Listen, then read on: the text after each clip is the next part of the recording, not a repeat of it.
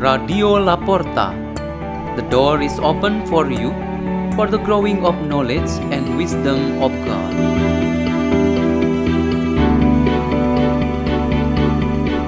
By Margareth Sembiring from St. Francis of Assisi Church, Singapore.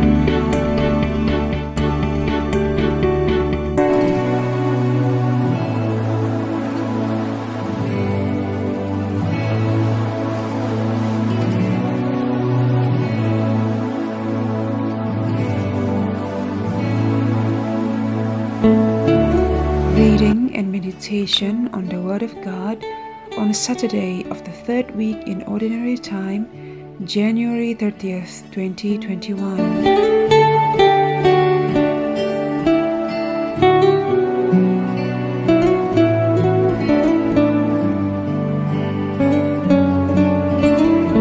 The reading is taken from the Holy Gospel according to Mark.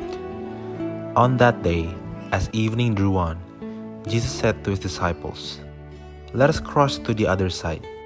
Leaving the crowd, they took Jesus with them in the boat just as he was. And other boats were with him. A violent squall came up, and waves were breaking over the boat, so that it was already filling up. Jesus was in the stern, asleep on a cushion. They woke him and said to him, Teacher, do you not care that we are perishing? He woke up, rebuked the wind, and said to the sea, Quiet, be still. The wind ceased, and there was great calm. Then he asked them, Why are you terrified? Do you not yet have faith? They were filled with great awe and said to one another, Who then is this whom even wind and sea obey? The Gospel of the Lord.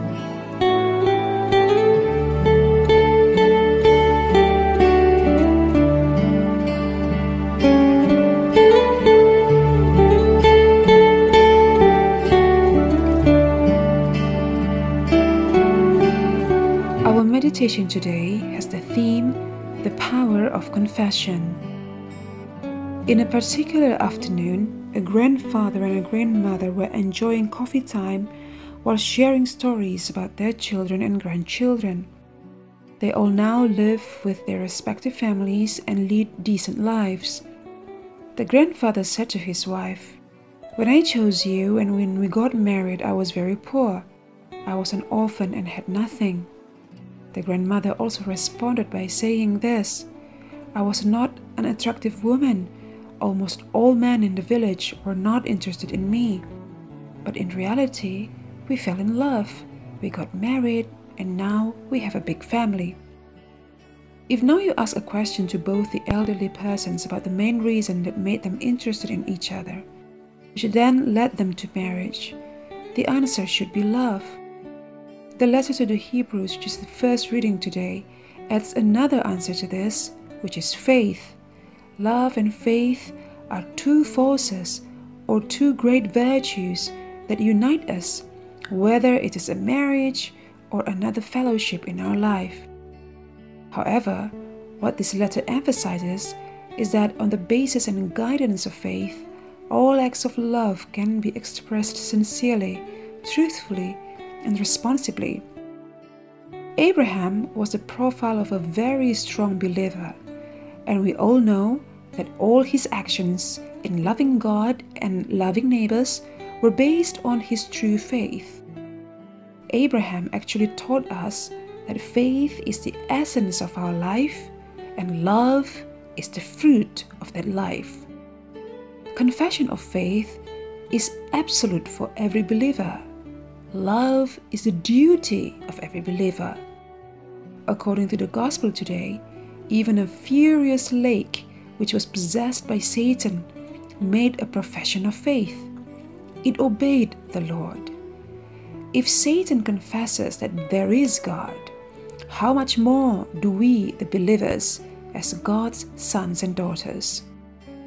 In that event of rebuking and calming down the storm of the lake, the confession of the evil forces, represented by the wind and the waves, actually came first. Meanwhile, the disciples' confession that Jesus was truly God who commanded these evil forces to stop came later. Why? Because demons and evil spirits fear God more. They don't want to be tortured and eliminated by God. They are already in their standard as demons. They don't want to be tortured to become even more furious. Which of us here likes and wants to be considered a devil? Surely none of us does. Meanwhile, we humans are still thinking or maybe reluctant about confessing to God, particularly in the confession of our sins. Maybe we are too much of waiting for certain big signs that force us to confess to God. Perhaps we no longer fear God, therefore, He is angry at us. If we humans find it difficult to obey properly and honestly, aren't we just waiting for the time we become devil ourselves in order to fear and obey God? Hopefully, this does not happen to us. Let us pray. In the name of the Father, and of the Son, and of the Holy Spirit. Amen. Almighty God, make us persons who fear you sincerely, so that we too can confess to you properly. Hail Mary, full of grace, the Lord is with thee. Blessed art thou amongst women, and blessed is the fruit of thy womb, Jesus.